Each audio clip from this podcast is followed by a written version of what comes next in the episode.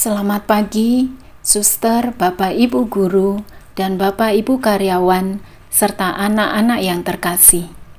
Mari kita awali seluruh hari ini dengan berdoa, mohon berkat Tuhan, dan mendengarkan sabdanya.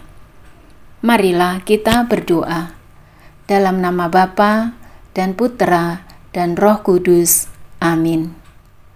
Allah Bapa penyelenggara hidup kami, limpah syukur atas rahmat kehidupan, kesehatan yang baik, yang masih boleh kami terima dari berkat kemurahan-Mu. Tuhan, kami akan mendengarkan dan merenungkan sabdamu. Buka telinga hati kami, agar mampu mendengarkan sabda yang Engkau wartakan kepada kami, dan akhirnya kami dapat mewujudkan dalam hidup sepanjang hari ini Demi Kristus Tuhan dan pengantara kami. Amin. Inilah Injil suci menurut Matius. Dimuliakanlah Tuhan.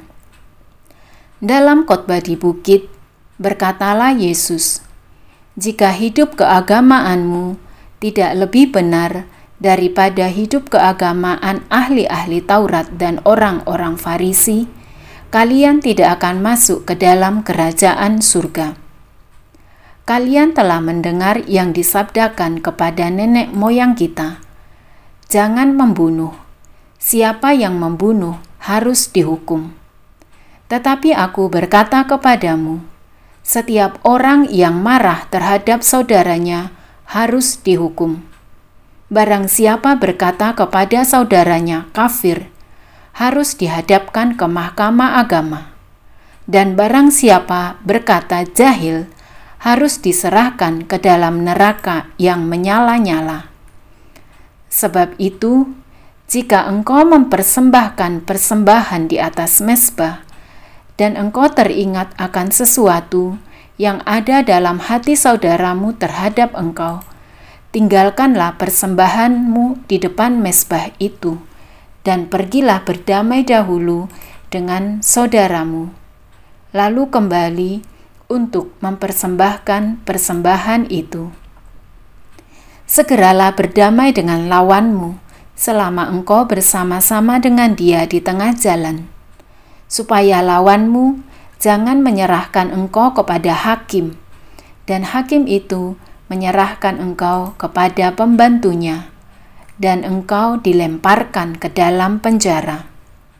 Aku berkata kepadamu, sesungguhnya engkau tidak akan keluar dari sana sebelum engkau membayar hutangmu sampai lunas.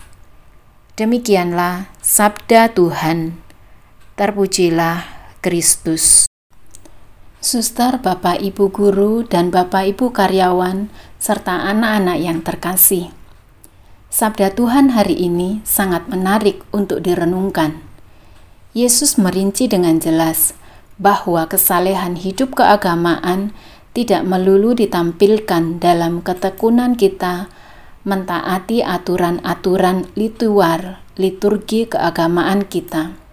Seperti kita rajin berdoa, setiap hari merayakan perayaan Ekaristi, berpuasa dan berpantang, mengaku dosa, dan lain sebagainya. Namun tidak diiringi dengan tindakan atau perbuatan baik, amal kasih kepada sesama. Itu dapat diartikan bahwa ketekunan kita dalam doa dan dalam ibadat tidak menghasilkan buah yang baik. Hari ini Yesus dalam sabdanya berkata, "Jika hidup keagamaanmu tidak lebih baik dari hidup keagamaan orang-orang Farisi dan ahli-ahli Taurat, kamu tidak akan masuk ke dalam kerajaan surga. Kita bersama tahu bahwa orang-orang Farisi dan ahli-ahli Taurat adalah mereka yang sangat dekat dengan Bait Allah. Siang malam mereka beribadah dan menjalankan hidup keagamaan dengan ketaatan penuh.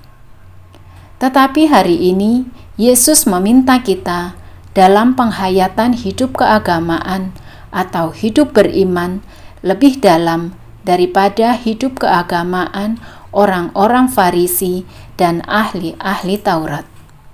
Kata Yesus, "Jika engkau mempersembahkan persembahanmu di atas mesbah, dan engkau teringat akan sesuatu yang ada dalam hati saudaramu terhadap engkau, tinggalkan persembahanmu di depan mesbah, dan pergilah berdamai dengan saudaramu. Lalu kembali untuk mempersembahkan persembahan itu." Tuhan meminta kita untuk memiliki hati yang bersih, hati yang murni dalam berdoa, dalam beribadah, dan dalam merayakan perayaan Ekaristi.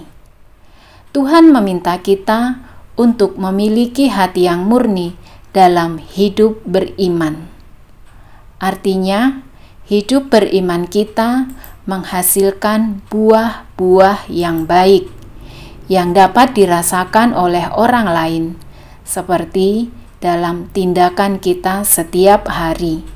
Kita menjadi pribadi yang mudah untuk memaafkan, mudah untuk memberi maaf, meminta maaf. Kita memiliki semangat kerendahan hati dan penuh sukacita di dalam melaksanakan tugas pekerjaan yang menjadi tanggung jawab kita, walau terkadang terasa berat dan mungkin tidak dihargai oleh sesama. Kehadiran kita tidak mematikan semangat orang lain melalui perkataan dan perbuatan kita, tetapi justru sebaliknya, kehadiran kita memberi pengharapan dan semangat sukacita yang menghidupkan. Semoga Tuhan memampukan kita untuk melakukannya sepanjang hari ini. Amin. Marilah kita berdoa. Allah Bapa, kami sadar akan kelemahan hidup beriman kami. Oleh karena itu, dengan rendah hati kami memohon kepadamu bantulah kami dengan rahmatmu untuk hidup lebih baik di hadapanmu dan di hadapan sesama kami, di dalam kami melaksanakan tugas dan tanggung jawab kami sepanjang hari ini. Demi Kristus Tuhan dan pengantara kami. Amin. Dalam nama Bapa dan Putra dan Roh Kudus. Amin.